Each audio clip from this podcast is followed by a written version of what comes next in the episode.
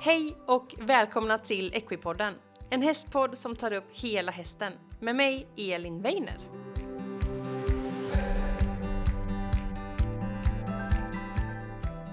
Ni vet att jag tycker dokumentation är ett grymt bra verktyg för utveckling och därför är jag extra glad att Hästdagbok.se sponsrar Equipodden i höst.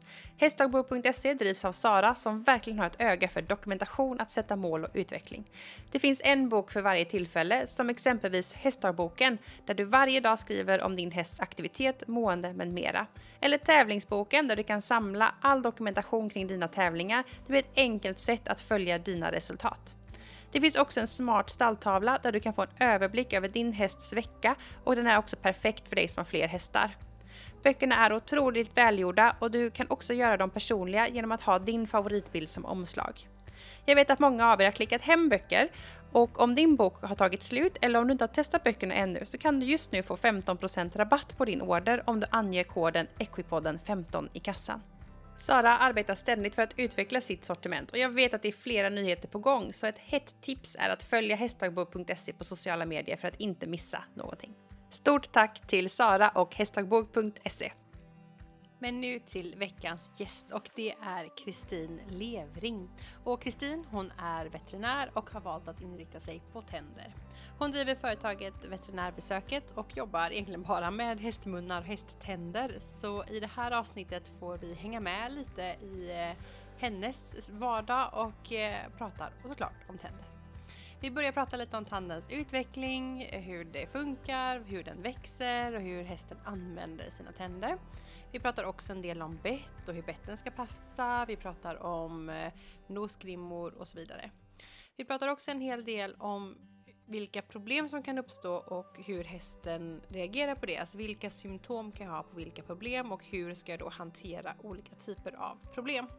Ett superbra informativt avsnitt för dig som vill lära dig mer om hästens tänder och det är ju något vi alla hanterar så det är väl toppen att lyssna igenom det här avsnittet. Så ja, nu kör vi igång med Kristin Levering.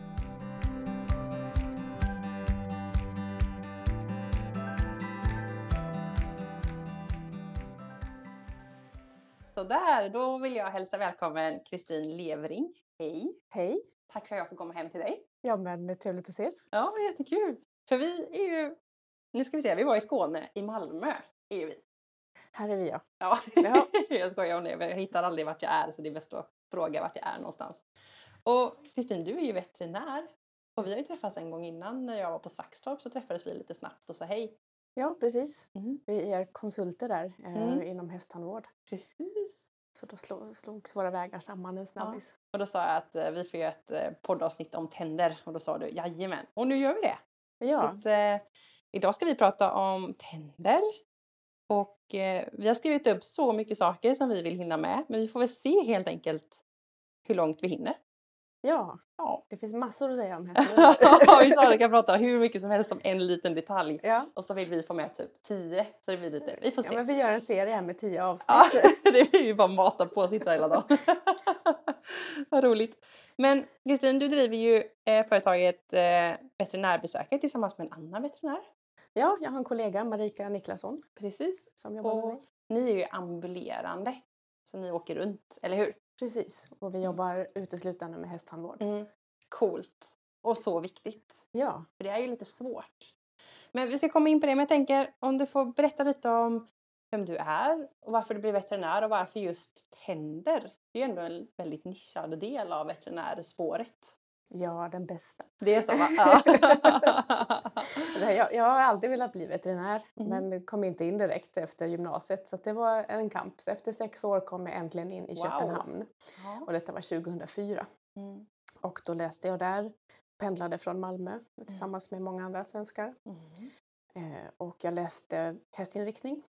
Och när jag blev klar så tänkte jag väl att jag skulle bli hästspecialist men på mitt första jobb som distriktsveterinär så hamnade jag på en hästtandvårdskurs eh, som Nina Lundgren och Carl Fredrik Hoffeng höll i i Accessias regi. Mm. Och då öppnades en helt ny värld för mig.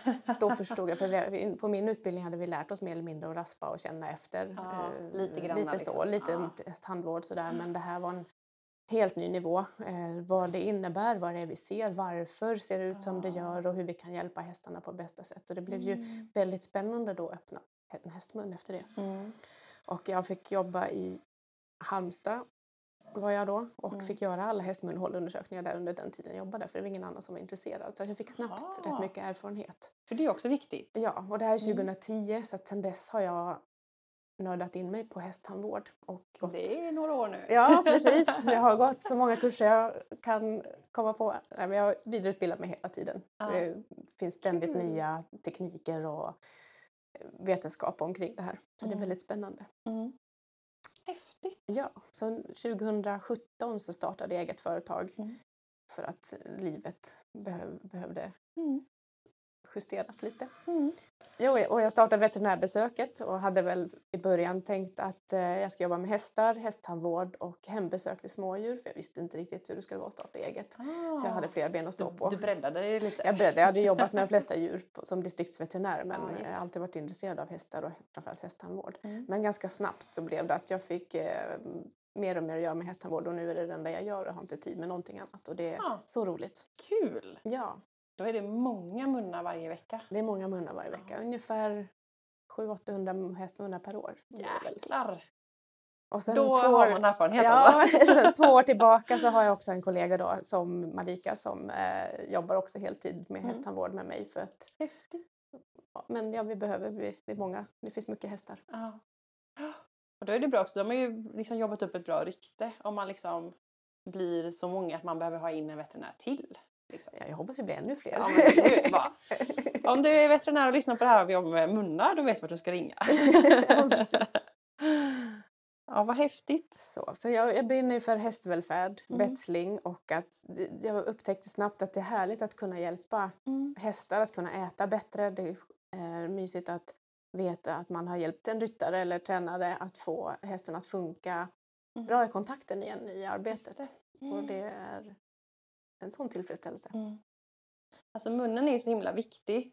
Men också lite svår. Alltså så här, om jag får ett sår då kan jag titta på det. Jag kan lyfta en hov och titta har typ strålröta. Men det är väldigt svårt att kolla munnen. Alltså, Det är klart att man, kan, man kollar ju alltid lite och man kan känna och sådär. Men det är ju inte så ofta som jag spontant i stallgången liksom spänner upp munnen och känner efter och kikar. Kan jag väl säga. Nej, och när man eh, visar hästägarna, jag visar alltid de som är med Mm, och mm. vad som försiggår där inne med, och de får titta också med kamera och lampa titta in där och alla säger wow vad stort här det det var, ser ut?" vad många tänder. och det är så spännande. ja. Man vet aldrig vad man hittar där inne Nej, men heller. eller hur? Och så är den ju så viktig. Alltså dels det här att hästen ska funka och äta och leva och må bra. Men Mm. också att vi använder munnen i många fall i ridningen. Precis. Eller liksom så, att vi använder det som ett verktyg. Och då, då är det extra viktigt att det funkar och att hästen trivs i det. Ja, Mm. Exakt. Kul. Men mm, vad är fördelen med att bara åka runt då? Jag tycker ju om miljön, att vara ute och se landskapen men också Mm. att komma till hästägarna och deras egna stallar. Det är kanske mindre jag vet inte om det är mindre smittorisk eller om man är på klinik men jag trivs med upplägget och sen Mm. är jag på klinik också nu eftersom vi är Mm. konsulter Precis. och vissa åtgärder behövs göras på klinik. Ja. Så att jag har tillgång till eh, två kliniker Mm. om jag behöver det. Det är bra. För de har till kollega jag samarbetar med i området. det är bra. För de mer avancerade fallen liksom. Ja precis. Mm. Ja, vad spännande. Nej, men alltså, vi har ju så mycket att prata om så nu får vi dyka in i det här. Och vi tänkte att vi skulle börja prata lite om hästens muns uppbyggnad, lite anatomi och funktion och sådär. För det kanske kan vara bra att ha liksom det som grund, tänker jag. Eller hur? Det är en bra start. Mm, Det ger en viss förståelse varför vi behöver hästtandvård till exempel. precis.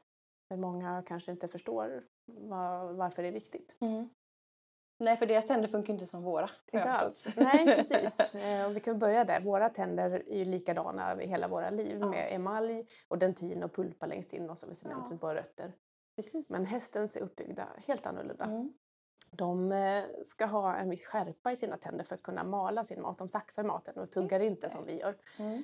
Och de har då tänder som är ungefär mellan 7, 8, 9 upp till 11 centimeter långa från början Mm. som skjuts ut under hästens liv som ett läppstift. Ja just det, så det är uppe i käken typ och så trycks så Ja, växer den ner hela tiden? Exakt, ner i käken och så Ah. skjuts, skjuts de ut då. Just Ungefär 2 till 5 millimeter per år skjuter tänderna ut och slits då mot varandra och mot fodret de äter. Mm.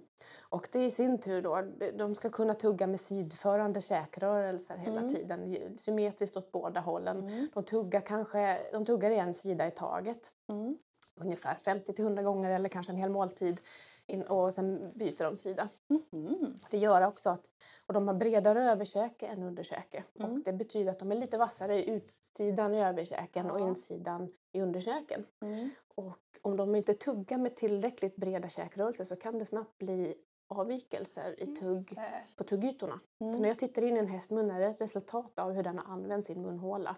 Hur den har tuggat och det kan ju då bero på i sin tur vilket typ av foder den får, eh, tuggtiden som är himla viktig för en häst. Mm. Om den har spänningar eller smärtor i munnen eller kroppen beroende på bett eller av eh, onda tänder. Mm. Det beror på eh, anatomin, hur den är avlad. Ja. Vissa över eller underbett och det i sin tur påverkar precis. hur tänderna slits och Mm. balanseras mot varandra. Förstår. Och därför är det viktigt att vi hjälper hästarna Mm. med hästtandvård. För att vi håller inte hästarna så som de är skapta. Mm. De, tuggar, de är skapta för att tugga fem, kanske 15 timmar per dygn med Mm. mulen nere i marknivå med tänderna. Då hamnar tänderna i en neutral position i förhållande till varandra. Ja. Kanske gräskonsistens. Mm. Vi ger ju inte hästarna de här förutsättningarna. De får Nej. mycket kraftfoder, de får eh, inte alls gräskonsistens, det är torkat hö Precis. eh, eller hösilage. Mm. De, har, de rider på dem, de får spänningar i kroppen, de Mm. har avel som påverkar och sånt där. Så Mm. att då behöver vi hjälpa att hålla balansen i munnen så att de kan tugga på ett bra sätt. Mm.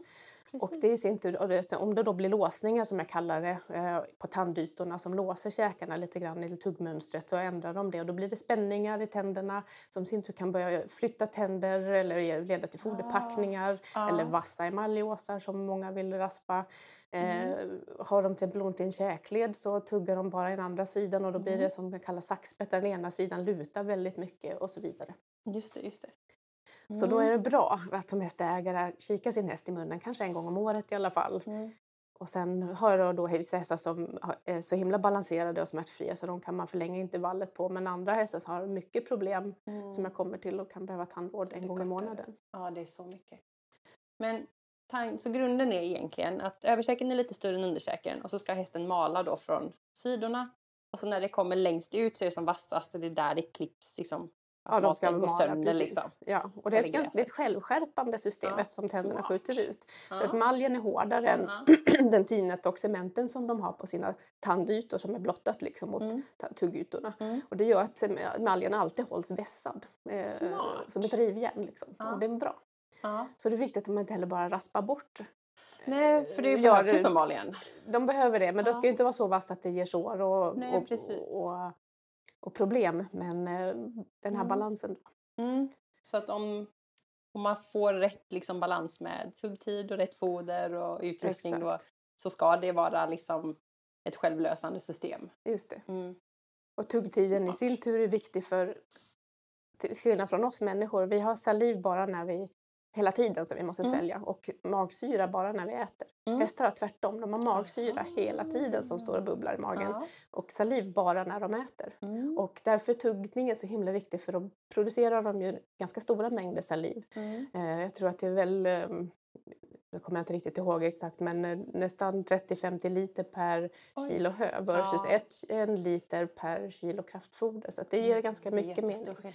Och de har pH 9 i sin saliv så den är väldigt basisk. Vi har Ja. pH 7. Ja. Så det är buffrande, det blir lite antibakteriellt i munnen.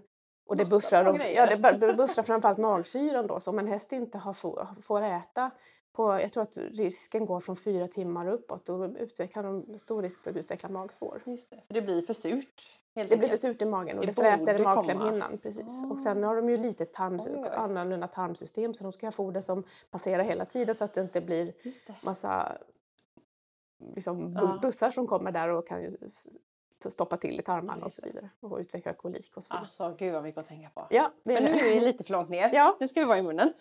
Precis. Det där är ett annat avsnitt med tarmarna. Men också så häftigt och spännande. Ehm, Okej, så tanden växer lite hela tiden.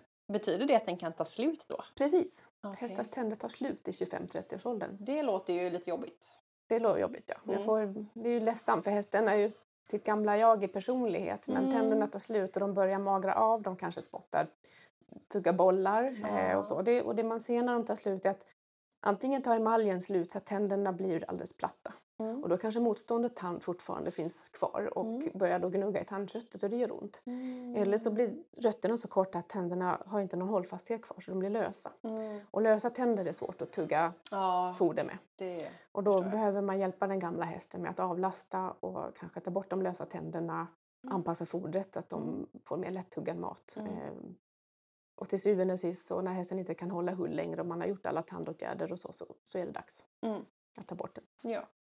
Och då, då är det så, helt enkelt. Men det finns lite att göra ändå. Liksom. Man kan hjälpa den äldre hästen. Ja, Mm. och framförallt börja i tid då med balanserad mun. För jag kommer det. ibland till äldre hästar som inte haft tandvård på många, många år och där det Ja, bara är ja.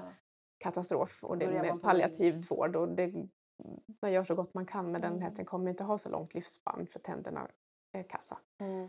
Men om man vill ge bra förutsättningar för en gammal häst så är tandvård Mm. Och inte slipa för mycket för då förkortar man ju Nej, livsspannet på tanden. Mm. För om man tar för mycket då, då måste man ju liksom... Ja, då tar man ju av reserven så att säga. Exakt, och det gäller att, att veta och balanserat och, och slipa Jag punkt förstår. och, så att de får, behåller sin funktion. Ja, ta så lite som möjligt med det som behövs. Mm. Ja, okej. Och funktionen för hästens mun är ju att äta då. Ja. Liksom. Precis. Så då har vi pratat lite om tänderna, men det finns ju lite mer grejer i munnen. Vi håller bett i munnen också. Ja. Ja, lilla och de- ja, Och som tidigare, som många vet, så är hästen inte skap för att ta bett i munnen. Men det är Nej. en väldigt fiffig plats där vid lanområdet där de inte har några tänder att Det är stoppa in. nästan som att det skulle vara gjort för det va? Ja, eller hur? och och det, det finns väldigt mycket att säga om det här. Det finns mycket forskning på det här området också, både nosgrimmor och bett. Mm.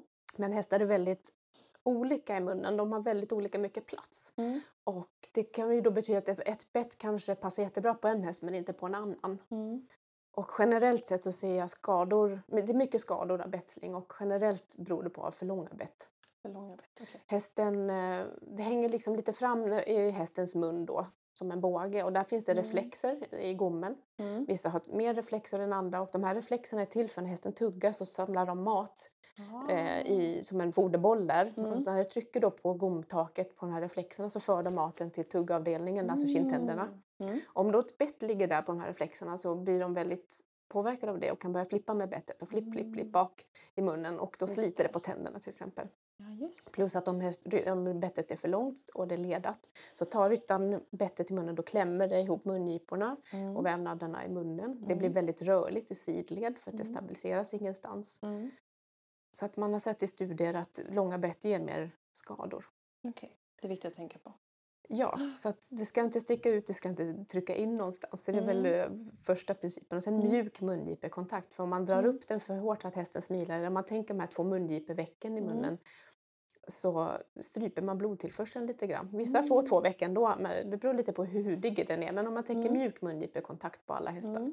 Mm. Och så kollar man när hästen placerar bettet och håller bettet stilla, där ligger det bra. Sen får Mm. man på vallacker kolla att inte hingsttanden är för långt bak och då får man ju Mm. kanske anpassa därefter. En bra sak är ju att titta hur bettet ligger i munnen när hästen har fått lugnande någon gång. Så att eh, när man är på kliniken eller någon veterinär kommer ut och eller om man har en betteltillpassning i samband med munhålundersökning så Smart. är det perfekt att känna och klämma. Man kan gå in och känna hur bettet belastar, Mm. att det inte är några tryckpunkter i gom, laner, annat och så vidare. Just det. Ja, men det är viktigt. Men också väldigt svårt med bett. Eh, för det, det är ju, vi sa det lite innan här att det är en dialog med, med häst och ryttare att liksom få ett bett att funka. Ja, och hästen, fråga Ja, hästen. Vad tycker precis. hästen om det här? Tycker Och du? börjar den gapa så dra inte åt nosgrimman, då är det något den säger att det här Ja. ligger inte bra, kanske tycker den inte om, tryck på tungan eller Mm. gommen kanske i handen lite för Mm. förhållande Mm. och så vidare. Så att det finns, man får anpassa runt omkring. Och sen finns det vissa hästar som inte alls tycker om bett, det är väldigt få, men ja, det finns bett, väldigt mycket bett på marknaden så Mm. då kan man hitta ut något som passar just den hästen. Ja, Och det växla är ändå ganska bra. Det finns ju mycket som sagt. Alltså, när jag var liten så fanns det typ ett helt rakt, ett tvådelat och ett tredelat. Typ. Kanske Ja. någon gammal pessoa eller något sånt där. Så någon kandalstång kanske. Det var typ det som fanns. Idag finns Ja. det typ en miljon bett. Men många betteltillverkare börjar från 12,5 och uppåt för de tycker att man mäter hästens mankhöjd och så tar man bettet därefter. Jaha. Eh, Det det är som att stora hästar ska ha stora bett men de kan ju vara väldigt smala i ansiktet. Det har ju Ja. inget med det att göra. Det är som att ta olika långa människor och säga att du ska ha den här hjälmstorleken. Liksom. Det är ju Ja, jätteknasigt. eller hur? Ja, det hade jag ingen aning om att man tänkte så faktiskt. Så Ehm, det finns mycket att göra och jag hoppas på att få till en förändring. mm. Jag har blivit utsedd av Nordic College och Weekend Dentistry. Jag ska vara med och leda i en betsel, internationell Spännande. betslingsgrupp och komma fram till någon slags konsensus hur vi ska göra betslingstillpassning för skadefria munnar och då påverka betseltillverkare, tävlingsreglementen, eh, tränare, veterinärer, ryttare och få, få på sikt hästvälfärd. Det är min dröm i alla fall. Så att det, det ligger i pipelinen att vi Ja. ska komma igång med det här. Gud vad spännande. Det måste vi ju följa när det Jag kommer hoppas igång. det. ja. Eh, vi ska prata lite mer om liksom, olika problem och sådär och där kommer vi komma in mer på betsling och sånt.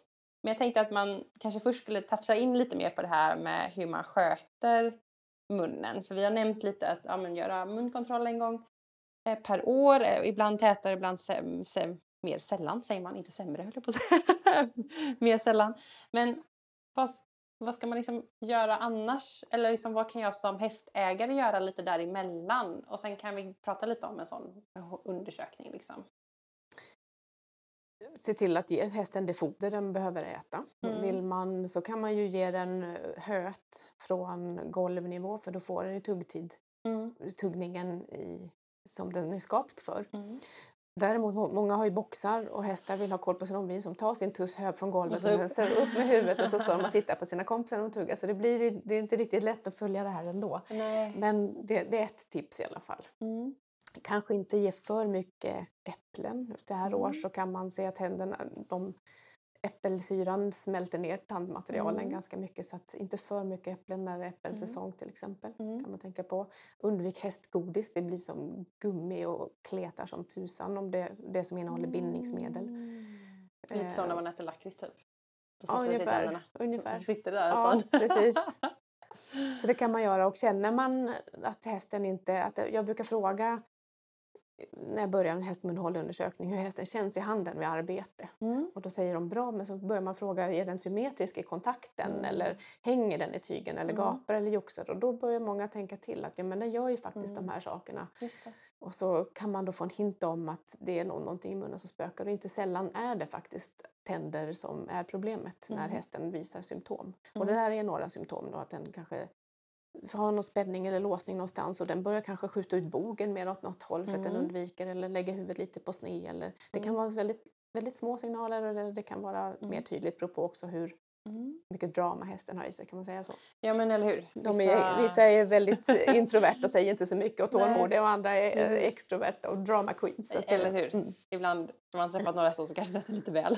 Ja, så att en bra sak när man känner att hästen har symptom eller att den luktar illa, att den tuggar konstigt eller Mm. långsammare eller tu- tuggar bossor. Ta ut en Mm. veterinär som är vidareutbildad på Mm. hästtänder. Mm. Och eh, börja med att justera tänderna och hitta orsaker där. Mm. Kanske kolla bett också, Mm. om det är någonting i arbetet som inte funkar. Mm. Eventuellt kan man ju prova ett bettlöst alternativ först om det är alltid så att bettet, hästen är aldrig bekväm med ett bett. Prova rida bettlöst. Hur reagerar hästen då? Försvinner Mm. problemet då Mm. eller inte? Precis. För det du sa här som är lite intressant, du sa att hästen kan börja skjuta ut en bog. Och då, tänkte man, då tänker man kanske inte direkt så här, det kanske är tänderna. Nej, Så men om det kan om det är lite generellt så. Sen ska man ju, det, den, den är ju lite svår, det kan ju vara många orsaker till Ja. det. Hästen kan ha en hälta eller någonting annat. Det kan vara en ryttare. Jag brukar Mm. fråga, är du rak? Mm. Nej, men gud, hästen, nej. går, hästen går till kiropraktorn hela tiden men ryttaren sitter och är, är sned och det ska hästen då kompensera för. Ja. Och på sikt då utvecklar den ju kompensatoriska rörelsemönster och Japp. spänningar i kroppen. Så det, det är bra att ha koll på helheten och Mm. både ryttarbalansen, Mm. hästen och hästmunnen Mm. och hovarna. Och hovarna, ja precis. Men ändå tänka att det kan vara ett problem i munnen också. Liksom. Även om jag ser ett problem i kroppen så kan det komma från munnen. Absolut. Det är ju ändå intressant. Spänningar i käke och eh, munhåla ger spänningar i hela ryggen. Mm. Eh, och, Det går så mycket nerver där har jag förstått. ja, och, och spänningar. Jag brukar göra ett exempel när man får man, man kan prova det här själv när jag Mm. föreläser till exempel Mm. eller i stallet när man står med hästägaren och då känner de att om man biter upp käkarna och, och gör en viss teknik då så, Mm. så kan man känna hur spänningen fortplantar sig faktiskt i hela ryggen och det är Mm. samma för hästen. Att har man då spänningar i nacke och käkar så, så får den en spänd överlinje Mm. och det i sin tur kan ju då också leda till försämrad rörelse Mm. och motorik och, Mm. och smärtor. Så viktigt. Och, men jag som hästägare hemma, ska jag öppna munnen och titta eller ska jag Det är känna? svårt och många Det hästar gillar inte när man tar dem på läpparna Nej. och tungan. Så alltså är det, måste man så kan man ta tungan från sidan, mungipan där och titta in lite grann. Men man ser bara de främre kindtänderna. Ja. Oftast har de fullt med mat i munnen. Så på en besiktning om man har en sån undersökning så är det ingen, man kan inte säga någonting om hästens okej. tandstatus där. Det Okej. är så mycket mer man inte ser. Så ska man göra en häst en ordentlig hästkoll görs ju helst med en häst som har fått lugnande i Mm. kroppen där hon håller då munnen och tungan stilla. Mm. Hästen får inte panik om den har ont i munnen om man sätter på en munstege till exempel och Mm. spänningar och den står inte då och tuggar på munstegen om den inte får sedering till exempel. Mm. Lugnande. Mm. Och, och det, det skonar käklederna väldigt mycket. Mm. Och man ser vad man gör där inne. Mm. Och man ska spola ur munhålan. Det ska vara en bra belysning och man ska minst ha en spegel och titta tand för tand. och så. För känner man bara här är det vasst, då missar man, kan, och det vågor i ena sidan så slipar man, kommer ut någon och raspar, då har man ju missat hela poängen. Mm. Varför är hästen så ojämn i den här sidan? Mm. Kanske har den en foderpackning eller smärta någon annanstans som Mm. behöver grundproblem eller frakturerad tand eller sånt. Det kan man Mm. inte känna alltid med händerna. Nej, just det. Eh, Så och man därför är det behöver viktigt att det står still. Liksom. man behöver titta i hästens mun Ja. ordentligt, tand för tand och mellan tänderna och, och överallt. Och då är det viktigt att tungan och, är stilla och man ser ordentligt Mm. vad man gör. Och det är bara veterinärer som får sedera? Eller? Ja, det är olagligt för andra än veterinärer att sedera Mm. eh, om man inte heller gått vidareutbildning men har en veterinär nära sig. Mm. Så det ska man vara medveten om om man Mm. tar ut en som inte är utbildad. Mm. Att det blir djurägaren som står som ansvarig för djurskyddslagen om någonting går fel. Just Och det är det inte alla som känner till. Nej, och, det kan ju bli lite jobbigt. Det kan bli lite jobbigt. Ja. Och så får man kanske en falsk trygghet. Nu är hästen fixad i munnen Ja, men så, så går den där och har ont i alla fall för Ja. att det, man har inte gjort det ordentligt. Nej, och så vill man ju så väl. Man vill att det ska bli bra. Liksom. Ja, precis. Mm. Så att, ja, det gäller att verkligen titta och, Och den som Mm. veterinär har ju också, man är ju legitimerad Mm. så att man har ett ansvar Mm. och, och för det man gör. Mm. Och det kan vara bra att veta som hästägare också att man Precis. kan vara trygg i den. Sen, sen ta- gärna en som har då ut- vidareutbildat sig lite Ja. på tänder så man vet vad det är man tittar på där inne. Precis, för det var min nästa fråga. Om man måste, för att, ja, du sa ju där på veterinärutbildningen så gör man alla lite med tänder och det förstår jag ju att man måste ha koll på för de är som sagt ganska viktiga. Ehm, men det är men man märker ju att de som jobbar med tänder är de som jobbar med tänder. Det är ju inte så ofta veterinärer som kanske gör väldigt mycket av allt, upplever jag. Många har väl gått kanske någon grundkurs åtminstone som Mm. jobbar med hästar så att Mm. de kan göra en munhåleundersökning, Mm. titta hästen i munnen och framförallt ska de kunna identifiera problemen. Sen om Mm. de kan åtgärda dem är en annan sak men de ska Ja, åtminstone veta vad de precis. ser och då kunna remittera hästen vidare till någon som kan hjälpa den Mm. bättre än de själva kanske Mm. kan. Så det, det är en bra start. Mm. Eh, Så att det är många som jobbar med hästar har gått någon form av tandutbildning förhoppningsvis. Just det. Så om man har en hemmaveterinär så kan den i alla fall oftast kolla och hjälpa till och se. Ja, typ. ja. Och sen om det är något så kanske man får gå till någon specialist då. Just precis. Mm. Men det är ju ändå skönt så att man känner att jag kan få är okej eller det här är jättedåligt. Ja, Liksom. exakt så. Ja, men jag har hört ibland någon som har sagt att hästen har en tandfraktur och sånt och någon har sagt att men det får den leva med. Vänta lite nu. Nej, aj. Ja, det lät inte Nej, nice det, alltså. det, det, går att hjälpa de här hästarna nu för tiden. Ja, Hästtandvården har utvecklats jättemycket Ja. de sista 15-20 åren faktiskt. Mm. Men jag tänker så här om man skulle ta jättekort ett besök som du gör. Då kommer man ut och så sederar man. Och den här munstege då det är den här liksom man spänner upp Som man har gör så att hunden gap, hästen Ja. gapar. Och så får den stilla Ja, jag, huvudet. jag, jag har en, eh, en liten piedestal som jag låter Ja. hästen luta huvudet på. Det kan vara olika, vissa hänger upp dem med, med en repgrimma i taket Ja. eller man kan använda en boxvägg eller något bara man har ett stöd för hästens Mm. huvud.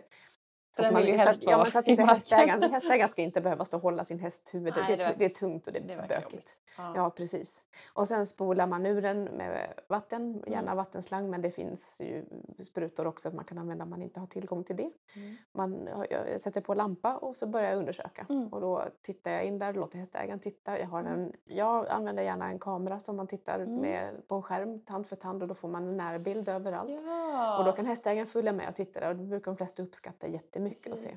Och framförallt då så här år så när man hittar styngflugelarver i hästars munnar så Mm. lyser man på dem och då kryper de fram och det brukar vara spektakulärt. Trevligt. Det har vi haft ett avsnitt om. Ja, Då lärde jag mig att de kläcks och så, och så kryper de i tungan ner. Det lärde jag mig. Det Ja. tyckte jag var lite halvt otrevligt. ja, men det...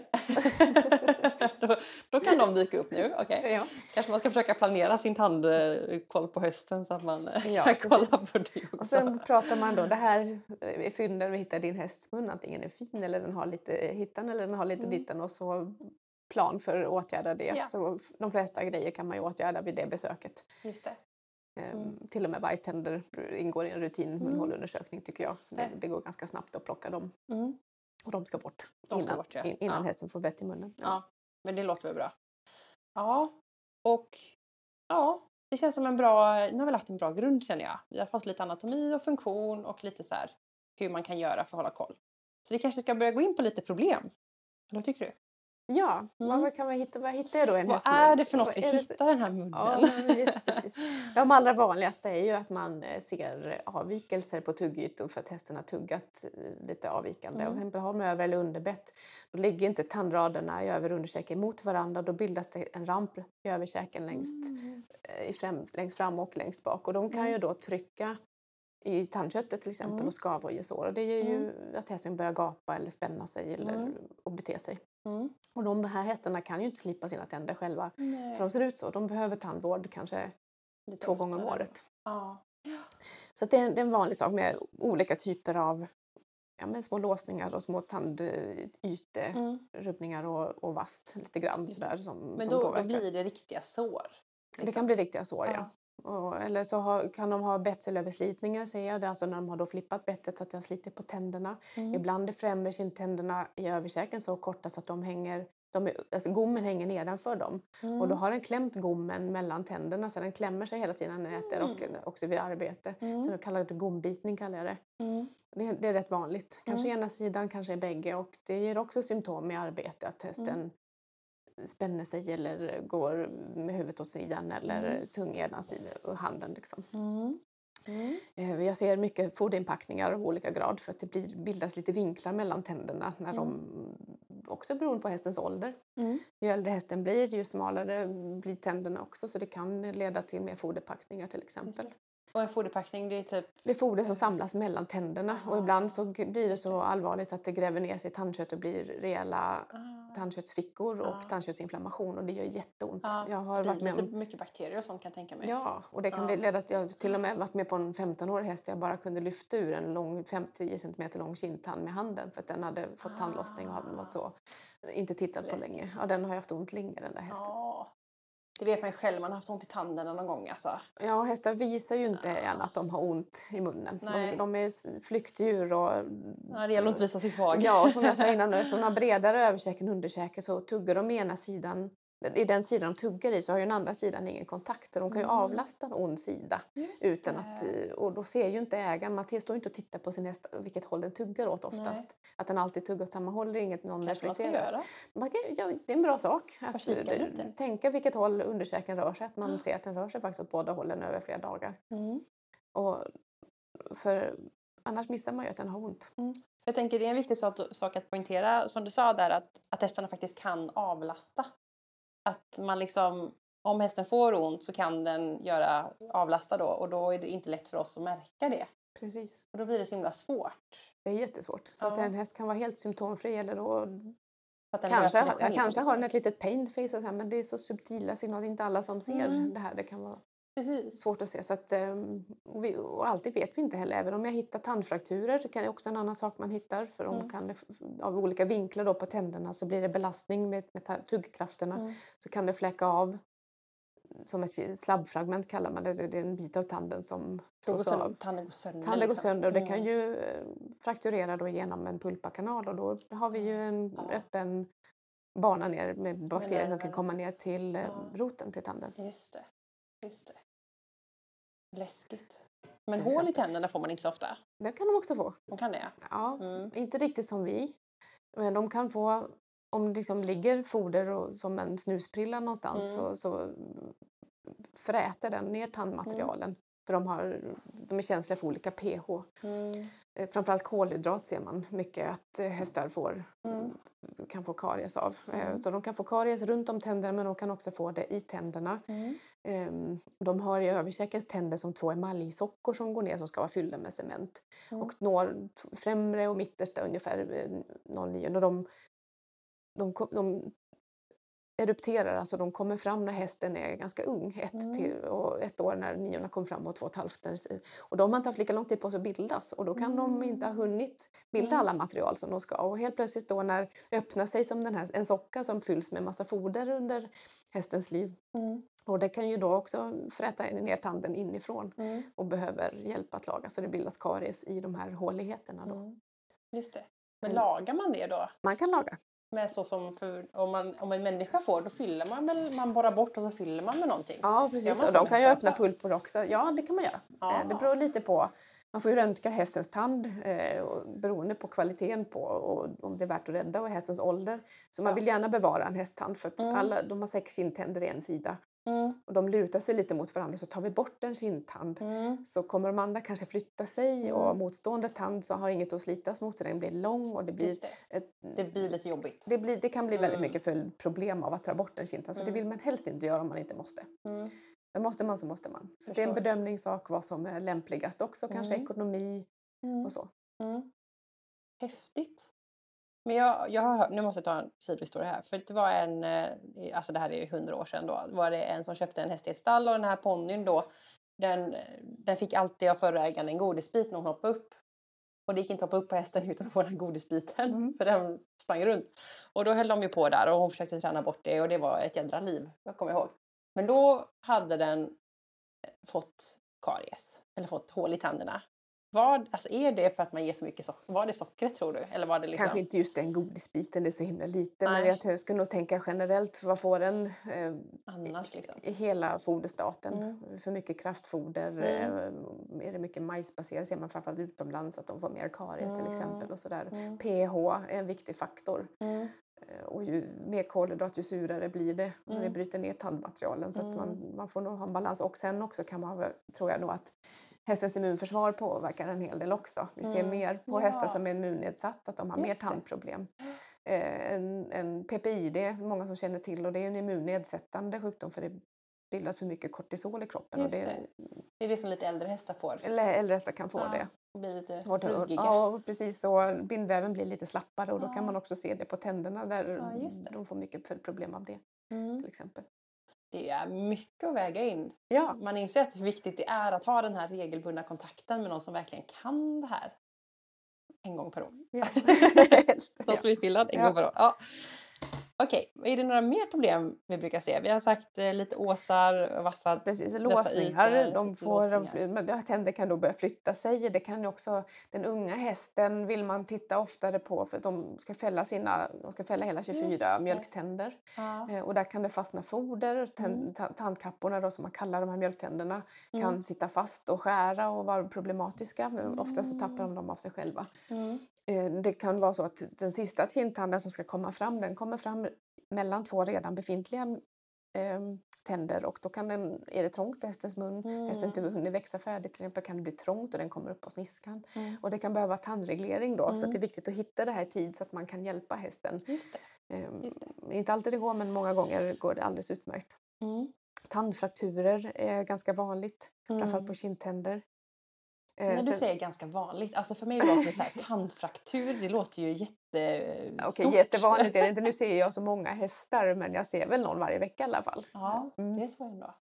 Och då tittar jag väl på ett 20-30-tal i veckan kanske. Mm. Ja, Så det är ändå kanske så här, ja, ett antal procent liksom ändå. precis.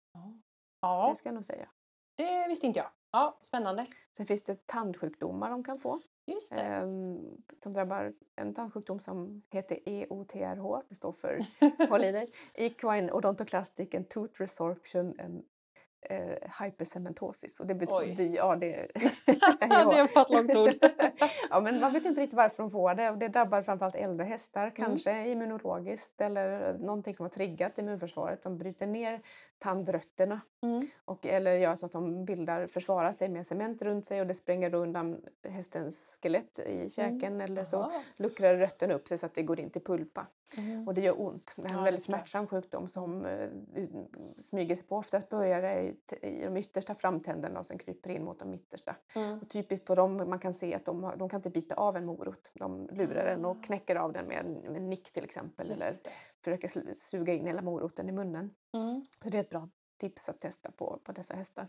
Mm. Man kan ibland se att tandköttet är tillbakadraget, det ser väldigt bulligt ut. Det kan se ut som Mm. små blåsor i det. Som Tittar man fram då liksom? man, man lyfter på läppen och tittar på, på hästens tänder. Mm. Det gör man ju i en munhåleundersökning så upptäcks ju de, här Ja. som oftast. Och man brukar röntga dem och se hur rötterna mår. Och Mm. den enda behandlingen vi känner idag är att, att eh, operera bort de tänderna. Och en Oj. häst klarar sig faktiskt jättebra utan sina framtänder. Ah, Man behöver lite anpassningar såklart men det ah. är kindtänderna de ska tugga med. Ja. Ja precis, för det, det tänkte jag skulle fråga lite om. Vi har inte, vi har inte nämnt framtänderna så himla mycket. Men det, ja, de är ju också viktiga. Men de klarar man sig utan. Men hästen klarar sig utan dem. Mm. Ja. De, är, de biter av Mm. gräset men den hittar teknik med, sen med det läkta tandköttet och med sina läppar att beta Ah, ja. gräs. Till och med vissa har ju haft så ont i sina tänder så att dagen efter operationen när de ser ut som horror show med, med sår i hela munnen då, då Ja. betar de bättre än vad de gjorde med sina ömma Nej. tänder. Det, det är lite sorgligt faktiskt. Men lilla snutten. Men då, Oj, så de blir alldeles ja. lyckliga och blir glada igen. Äntligen. Ja, lite så. Ja, det det går att leva mycket- ett bra liv utan dem. Men, Ja. men det är också en dialog man får föra med hästägaren. Vad, och hur gammal bäst. hästen är och det är en ekonomisk fråga kanske också. ja men precis. Nej men det är så mycket hormoner också i det här betandet och pillandet med mulen liksom. Så det är nice för dem att kunna göra det. Ja. Ja, Riktigt. Ja, så det är liksom, vad hade vi några mer problem vi hade skrivit upp eller? Ja, men nu har vi väl gått igenom ganska mycket av Mm. det vanligaste tycker jag. Mm. Foderpackningar och frakturer och sneda tänder och Ja. avvikande tuggmönster och hakar och ramper och vast. Ja. Eh, och sen åldern då, tandkappor som spökar på den unga hästen och den gamla hästen där Mm. tänderna tar slut. Precis. Att man får anpassa tandvården därefter. Och så nämnde vi varg, vargtanden lite snabbt. Men den ska bort säger du. Den ska bort. Det om är en liten evolutionär rest som Ja. ser ut som en, tand, en människotand, en liten plupp. En liten pigg typ. Ja, Mm. som, som sitter precis framför den främre kindtanden i överkäken. Mm. Det är väldigt sällan i underkäken, men de Mm. kan ha alla fyra. Mm. Och, eh, ja, men en, en, däggdjuret har ett fulltaligt tandsätt är 44 tänder och det är Mm. grisen och tapiren som har ett fulltaligt tandsätt idag.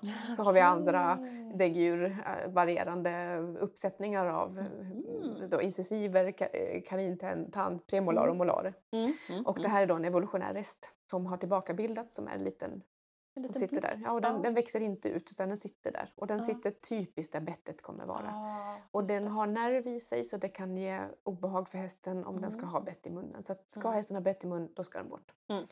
Även om, för de kan skapa då obehagsreaktioner Ja, och och spänningar och- kompensationer och Mm. sånt. Förstår, förstår. Och eh, ja, men jag har sett dem. De är små. S- Känns som att den inte skulle betyda någonting. Ja, men de kan vara lite stora också. Så att Ja, det är så? Ja, Ja, då har små. ja. Så de kan se lite hur som helst. Så de kan ha väldigt olika långa rötter. Vissa är Ah. pyttekorta, andra är superlånga. Har ändå också börjat med bett i munnen så kan det hända att de har fått en fraktur, alltså det blir Ah, spricka i det dem. ja. Så att, Läskigt. mm, Viktigt att tänka på. Och det borde man kanske kolla innan man börjar rida då. Det är en bra sak. Ja. Ja. Eller om så man första tandkollen är väl bra att göra innan man börjar med bett i munnen. Runt Mm. två och ett halvt års ålder brukar jag Mm. rekommendera. Mm. Vargtanden kommer fram när hästen är ungefär ett halvår gammal så visst vill man göra det tidigare Mm. så kan man göra det. Men Just runt det. två och ett halvt är en lämplig ålder att börja. Men det är inget behov av att göra det på en ettåring till exempel. Utan det, man kan vänta tills den är två i alla fall. Ja, ja. Okej. Eh, vad bra. Men vi kanske ska gå in lite på betsling då. Eh, och tänk, liksom så här, hur ska man tänka när jag ska stoppa ett bett i munnen? Mm. Om man inte kan känna hästens plats så får man, vilket är bra att göra som jag sa innan, Mm. med, när den är lugn, har lugn, Mm. då brukar jag börja med att stoppa mina fingrar som ett bett i hästens mun, med Mm. fi- pekfingrar mot, med, med fingertopparna mot varandra. sida liksom. Ja, och, och lägga Mm. den i bettläget och känna hur, hur, hur känns hästens mun. För ibland är gommen ganska låg och Mm. lanerna över köken trycker då på mina fingrar och de här hästarna kan ju exempel inte ha ett rakt bett. Så ett Mm. rakt bett är inte alltid snällt för det trycker Nej, det, det hör man ibland. Ja, man- rakt är man det tycker- snällaste du kan nej, ha. jag tycker inte det för de Ja. hästar som har en väldigt tajt mellan över och Ah, underkäke. För då kommer det alltid, då kommer kännas efter två dagar som blåmärke i överkäken på, på det. överkäkens Ja, benen där, eller på lanerna i överkäken. ja. Så att det är bra att veta om hästen har gott om plats mellan över och underkäke eller väldigt, väldigt tajt mun. Och de som har väldigt tajt mun de kan ju ha svårt med kandar senare också. Så det, det. det är mycket att tänka på. Att tänka på. Och det här känns ju, när du berättar det här och jag ser det framför mig så ser man ju, känner jag att det är väldigt svårt att göra när hästen står i stallgången. För den kommer ju flytta huvudet och Ja, det, jag, och- tycker, jag tycker inte det går så bra om den är Nej. vaken för den kommer, alla reflexer triggas och den är Ja. vaken och den flabbar med tungan. Så hade jag också gjort om någon stoppade in ett finger. ja, så att det passar på när hästen har fått lugnande. ja. Och det, det jag börjar med, jag brukar be hästägaren tränsa sin häst med det träns som finns så har vi en Mm. dialog omkring det, om det är något som ska justeras i, i Mm. det eller om vi ska byta helt och hållet. Och då börjar jag med att kolla längden på bettet och då ska det ju inte sticka in någonstans och inte sticka ut någonstans. Mm. Ligga när jag håller det sträckt i hästens mun. Så att, eh, håll det utsträckt, lägg det som det ska vara ena mungipan. Sticker det då ut någonting i den andra, då är det för Mm. långt. Mm. Och det ska inte klämma, nypa. Är hästen väldigt hudig i sina mungipor så kan ju ett rörliga ringar till exempel nypa hästen lite Just grann. det. Så att man får fråga hästen där vad den trivs med. Mm. Kanske kan man gå upp en storlek och sätta bettskivor istället om man Mm. behöver det. Med rörliga ringar om man vill göra Mm. så. Kanske inte så snyggt om man rider dressyrer, det får man inte men det är så mycket regler som Ja, man också gud, ska ja. förhålla sig till. Ja. Ja. Och nästa kollar jag då att det är mjukt i mungiporna, att det ligger bara med kontakt. Det ska inte hänga och dingla i munnen, det ska inte vara uppdraget utan bara mjuk fin kontakt. Mm. Och akta hingsttänderna så att inte bettet hänger ner mot dem för jag ser ibland betselöverslitna sådana. Mm. Hingstbetarna har vissa ston och alla vallacker, eller hingstar då. Och det är liksom om man tänker de bakre kindtänderna så är det det här mellanrummet då. Då sitter den tanden där, eller hur? Ja, ganska nära mellan eh, kindtänderna och framtänderna, Mm. lite närmare framtänderna faktiskt. Men lite ensam. Ja, de är ensamma. Och de, är- de Mm. skjuter inte ut. Det här är permanenta tänder som Ah. är, förblir likadana hela Mm. hästens liv. Och de är ju till när hästen ska vara ja, men kanske i slagsmål och, och Mm. bi- bita sin, Precis. sin rival Var lite tuff. Mm. till exempel. Mm. Och nästa steg då kollar jag tjockleken på bettet och så mm, att det inte är några länkar i bettet som sticker upp någonstans och trycker i gom eller på lan eller tunga. Mm. Säger hästägaren att en, en häst som sällan erbjuder stöd, den undviker kontakt och nästan backar Mm. bak med huvudet och kanske den inte gillar tryck mot laner och tunga. Mm.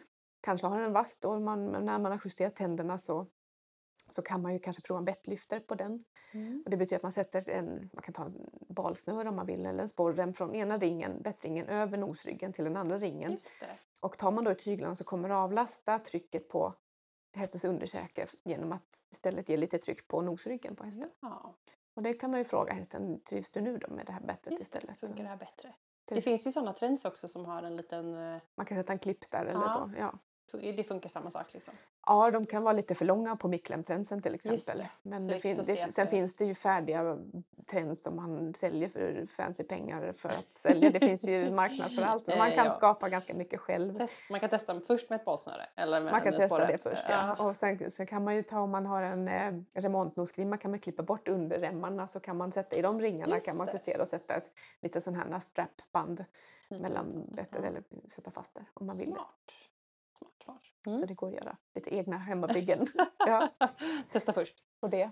Mm. Och på hästar som behöver avlasta överkäken då kan man ha en, ett, ett bett med, med kedja som håller för bettet framåt neråt Mm. istället. Till exempel. Så det beror lite på hur hästen, Mm. vad man har för problem och vad man behöver justera. Och självklart ska man ju tänka hur man som Mm. ryttare håller sin hand. Just det.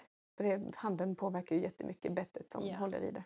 Att bara ha ett bett i munnen och gå i hagen gör kanske inte mycket skador. Ja, långa bett gör ju det när hästen flippar och grejer. Ja. För om den inte hittar ro att placera bettet i munnen så det. flipp, flippar den bak det. Och när den har börjat flippa med bettet kan det vara en ovana, den är svår att Just sluta det. med. Så då får man anpassa Mm. med andra bett för den, den hästen för att den ska Mm. sluta med de Mm. fasonerna. Just det. Men och flippa, du menar att, att man hör, man kan höra ibland att hästen Man, man, tuggar man på ser det? det lite grann hur den liksom, hur den Flippar typ. till, ja, bettet rycker till i mungipan Ja. liksom, så kan man höra ibland hur den också kommer mellan tänderna. Mm. För det kan man höra ibland att det Exakt. liksom Mm. tugga till och det ska man de inte göra. I början, en ung häst har ju massa reflexer så de Ja, gör ju ja. det oavsett. Men Visst, en, visst. En, en annan häst som är van med bett ska helst inte tugga på bettet. Nej. Nej. Så när man då säger att hästen tuggar på bettet, eh, de låter fint, det är ju inte på själva bettet utan de ska vara avslappnade i underkäken Ja och, och, så, och rörliga där. Mm. Eh, Och det förutsätter ju också en tillräckligt lösspänd nosgrimma Mm. så att man inte låser den. Just det. Så det är också viktigt att tänka på. Nosgrimma ja. Precis, och där kan man också många gånger sen drar man upp bettet i mungiporna så att dels så stasar det blodcirkulationen där Mm. och då försvarar sig vävnaden genom att dels förlorar man pigment, som på de hästarna kan man se vita fläckar i mungiporna och de, för, de kommer alltid vara så. Mm. Sen blir det förhårdnade för att vävnaden försvarar sig och till Mm. slut så kan det lättare spricka i mungiporna om man alltid har högt tryck i mungiporna. Mm. Mm. Plus att hästen, ryttaren då, eller den som kör hästen alltid måste vara hårdare än den trycket som håller Mm. Just bettet i, i mungiporna. Mm. Så att har man en mjukare kontakt så känner ju hästen även små vibrationer i Just bettet. det. Just det, just det. Så att desto mindre tryck som redan finns innan jag tar, desto bättre Ja. kan man säga. Så. Och har du också tryck i munnen, ja, det trycker ju bakom nacken. För Mm. na- eh, sidostyckena hålls ju bak nackstycket så då får du Jajamän. tryck i nacken. Ja. Och det kan ju leda till spänningar och huvudvärk och vem vill gå med någonting som trycker där hela Nej, tiden? gud, en för trång hjälm liksom. Och rida med det. Det är inte, Inte nice. Nej, just det. Men Och där, där, Mm. där ofta pannbandet kan vara lite kort så att det drar Ja. fram nackstycket och det trycker då på öronbasen. Så att Mm. man, det får man också kolla så att inte Mm. nackstycket eh, dras fram av pannbandet. mm. Så det ska vara tillräckligt långt och ledigt och att inte då sidostyckena och pannbandet trycker över käklederna på hästen för det kan vara obehagligt. just det. Så att ett an- anatomiskt trend för en häst kanske inte är anatomiskt för en annan häst. Nej, precis. Man kan inte bara köpa ett och tänka att det här passar alla. Nej. utan det får titta lite. Men det är väl tur att det är lite inne med lite så här pannband som hänger lite, som är lite stora. Ja, De precis. ändå- Ja, ja. När jag var liten var det några raka. De var ju lite tajtare. Man får ta en tillräckligt stor rakt i så fall. Så att Precis, det, så att det blir att en det ordentlig bågar ut. Ja, lite. Supersnyggt. Okej, så tänka på längden och placeringen upp och ner då. Men sen finns det ju väldigt mycket leder och det finns så här att det låser sig när man tar och en led och två led och det är väldigt mycket prat så här. Eller när jag var yngre så var det så här eh, tvådelat var jättedåligt för att det var den här nötknäppareffekten så man skulle alltid ha tredelat.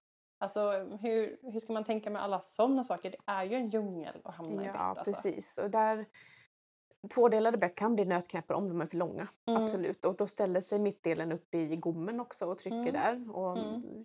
utlöser de här reflexerna till exempel och det klämmer ihop vävnaderna. Men Mm. om det är tillräckligt nätt och tillräckligt anpassat för hästen så Mm. är det många hästar som funkar bra på det. Mm. Sen ska man ju tänka också när man håller bettet, står det med ett bett i butiken så håll det som sidostycken ska hålla det och tänk hur, var tungan hamnar då. Mm. Så att inga ledade delar trycker upp mot gom eller ner Mm. mot tungan till Mm. exempel. Att det, och att led, de här länkarna ska vara, ringarna som håller ihop bettet ska vara ganska små och nätta. För har en stor, många tvådelade bett har väldigt stora ringar i Ja, mitten. precis. Och de trycker alltid nästan på om Just det inte är en häst som har väldigt stort gap. Då blir det nästan som att den är ganska tjock i sidan och så blir den ganska smal i mitten till den här leden och där är det två stora Ja. ringar. Ja, Då blir det ganska, eller tänker jag högt här, då blir det väldigt eh, olika tryck över om den är så ojämnt tjockt liksom. Är det bra att försöka titta på bett som är lite jämna över hela vägen?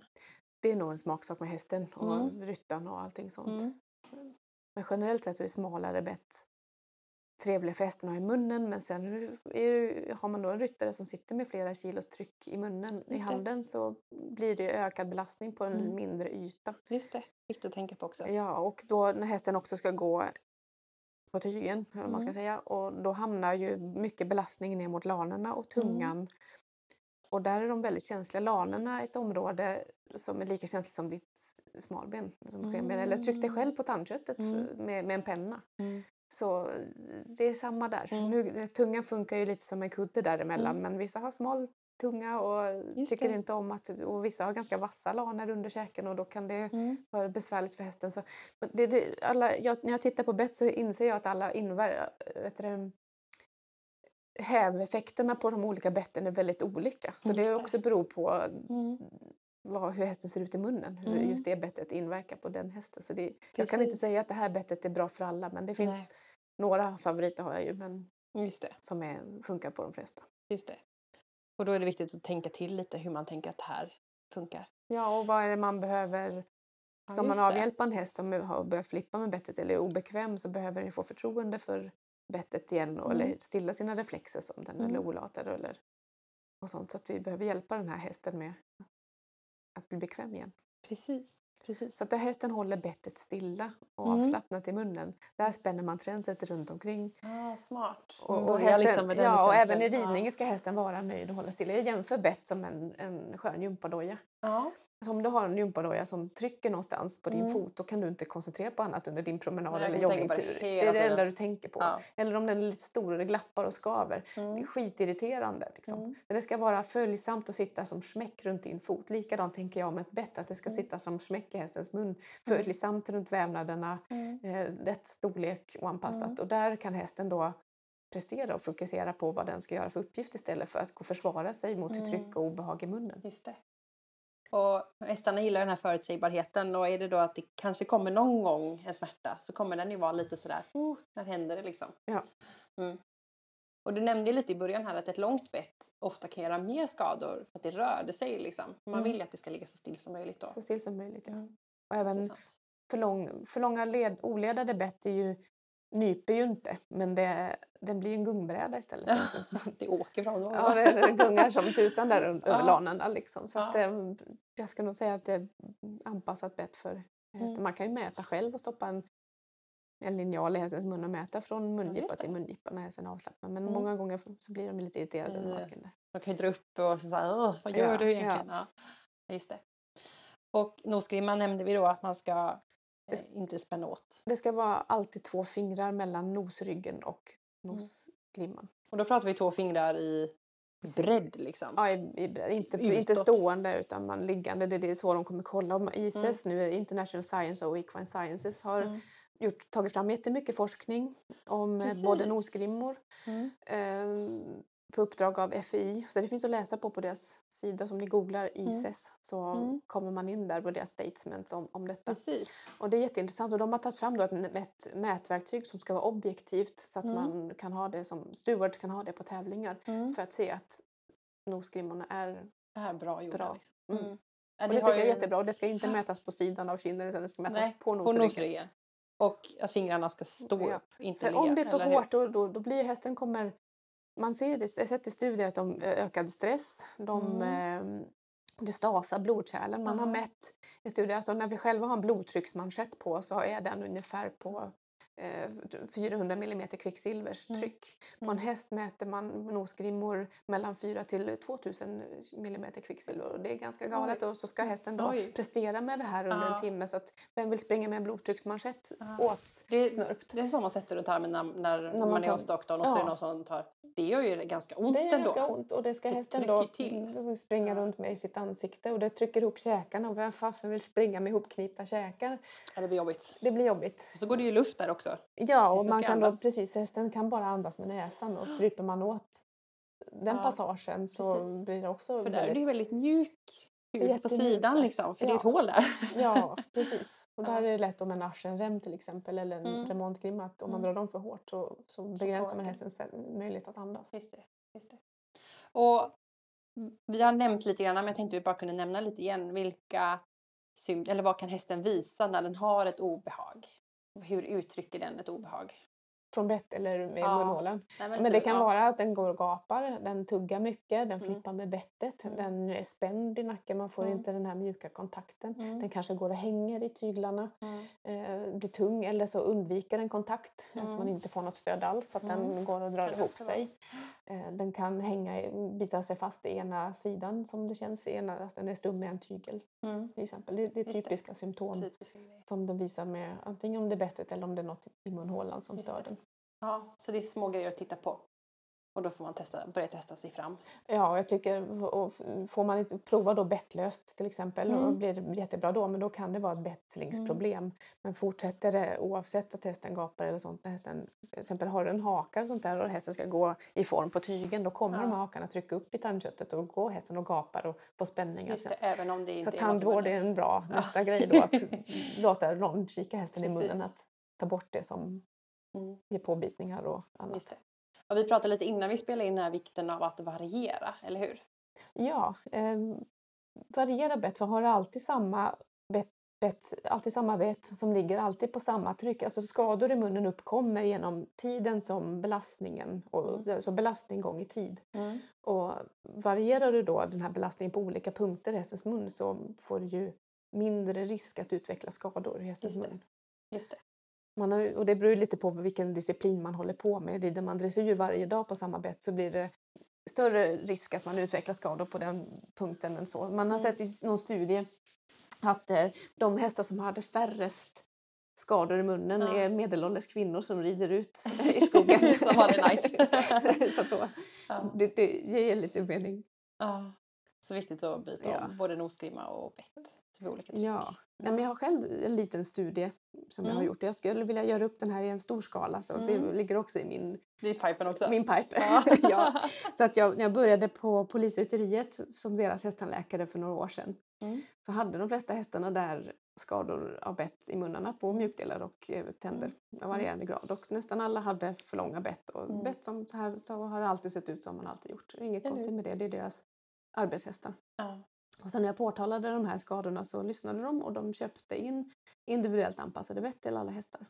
Och tre år Mm. senare har inte en enda häst en skada kvar i munnen och då har de ändå samma typ av träning, Samma arbete. samma arbete, samma Ja. och, och, Ja. och de ryttarna. Och det, var jätte, det, det ger så stor skillnad då att Ja. man, har du en rätt gympadojja Mm. så, så får du färre skador. Precis. Oavsett handen faktiskt. Men sen Precis. tillkommer ju handen givetvis också att påverka.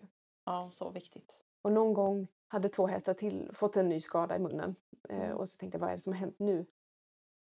Så tittade jag i journalen. Nej, men jag har ju anpassat bett för de här. Ta hit trenden igen, det här vill jag lära mig mer Mm. om. Nej, då hade ryttarna gått och Ja, bytt någon ändrat Ja, lite. då var de Ja. långa igen. Och sen, det var så tydligt liksom, att se Ja. vad som hände här nu. Sneaky alltså. Men det, det är en studie, det var 18 hästar som ingick i min lilla studie. Men eh, som sagt, jag har eh, i pipen att jag ska göra detta på mycket större skala. Men kolla. 18 hästar är ändå ganska många. Det är ganska många. Det finns ju Mm. många forskningsstudier som bara gjorde på mellan 5 och 10 hästar som är liksom Och då hade väl nästan 90% av hästarna någon form av skada i munnen av bett Mm. när jag började där. Så att det är Mm. lite stor, mi- mitt emellan aha, en stor, liten studie. coolt. Mm. Men lite egen kanske. Du får min skriva en egen, ja. rapport på det här och in i en tidskrift. Nej men det, det, det var en tankeväckare liksom. Så att ja, förhåller jag mig till de här bättringsprinciperna så, så minimerar vi skador ganska och kommer väldigt långt. Just det. Så det är en bra start. Mm. Och det vill jag då prova Mm. på många, många fler hästar. Ja, så himla viktigt. Nej men alltså nu har vi pratat på en timme som vanligt. Tiden går så fort så vi får runda av men sammanfattningsvis får man ju säga gå och gör tandkoll, ha rätt anpassade bett. Ja. Det är väl typ det vi har kommit fram till eller? Ja, att hästmunhållare är väldigt spännande. Ja. Man vet aldrig vad man hittar där Det inne. Ja, mycket som kan gå fel hästens funktion och välmående. som påverkar mycket. Liksom. Mm. Ja. Nej, men vad häftigt. Och om man vill komma i kontakt med dig, hur gör man då? Man kan gå in på hemsidan veterinärbesöket.se Mm. så står det där hur jag, hur jag jobbar och vilka vi är och, Mm. och även kontaktformulär. Och så finns det Instagram. Och Instagram och Facebook finns vi också på. Jajamän. Veterinärbesöket. Veterinärbesök. Och där lägger ni upp lite ibland. Det är lite kul att läsa. Det kommer upp lite så här mina tankar kring och lite så. Så det är en ganska bra sida att följa. Jag delar med mig lite om vad jag hittar och häständer. Och, ja, precis. Precis. Det är mycket tänder. Ja, mycket händer. Viktigt. Ja, men då får jag säga jättestort tack Kristin för att du ville vara med i Equipodden. Tack för att jag fick vara med.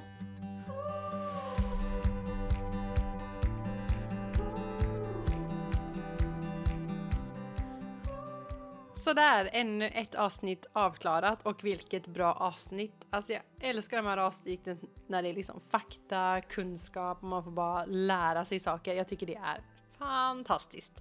Så stort tack Kristin för att du var med i Equipodden. Och tips är att följa dem lite på sociala medier, veterinärbesöket. Och följ också Equipodden på sociala medier för där händer det mer spännande saker från podden. Så missa inte det.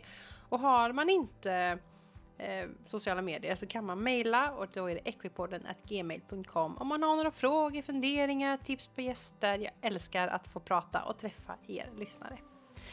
Men eh, med det så får jag önska en fantastisk vecka så hörs vi snart igen. Hej då!